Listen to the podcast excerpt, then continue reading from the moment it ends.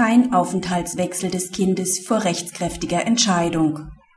Solange über das Aufenthaltsbestimmungsrecht noch nicht rechtskräftig entschieden ist, gebietet das Kindeswohl von einem Aufenthaltswechsel abzusehen, wenn damit für das Kind eine nicht unerhebliche Änderung des Lebensumfelds, insbesondere des Schulbesuchs, verbunden ist.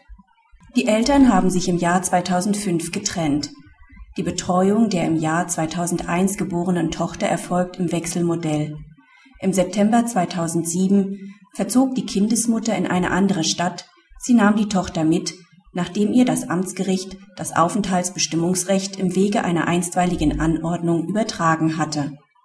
Dort besucht die Tochter die Schule. Im Scheidungsurteil wird dem Vater das Aufenthaltsbestimmungsrecht übertragen. Das Oberlandesgericht bestätigt die Entscheidung des Amtsgerichts wegen der mangelnden Bindungstoleranz der Mutter und setzt sich dabei über den mehrfach von der Tochter geäußerten Wunsch, bei der Mutter zu leben, hinweg.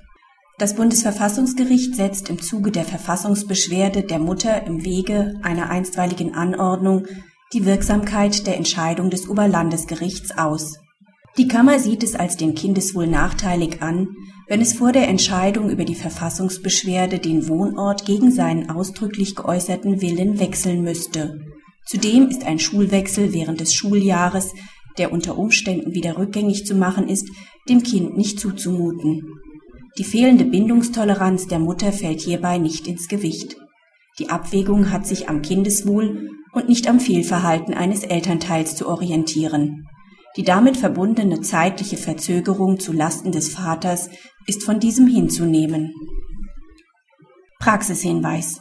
Die Entscheidung bestätigt die Relevanz des Kontinuitätsgrundsatzes im Rahmen von Sorgerechtsverfahren. Das Bundesverfassungsgericht hat hierauf bereits in seinem Beschluss vom 12.06.2007 hingewiesen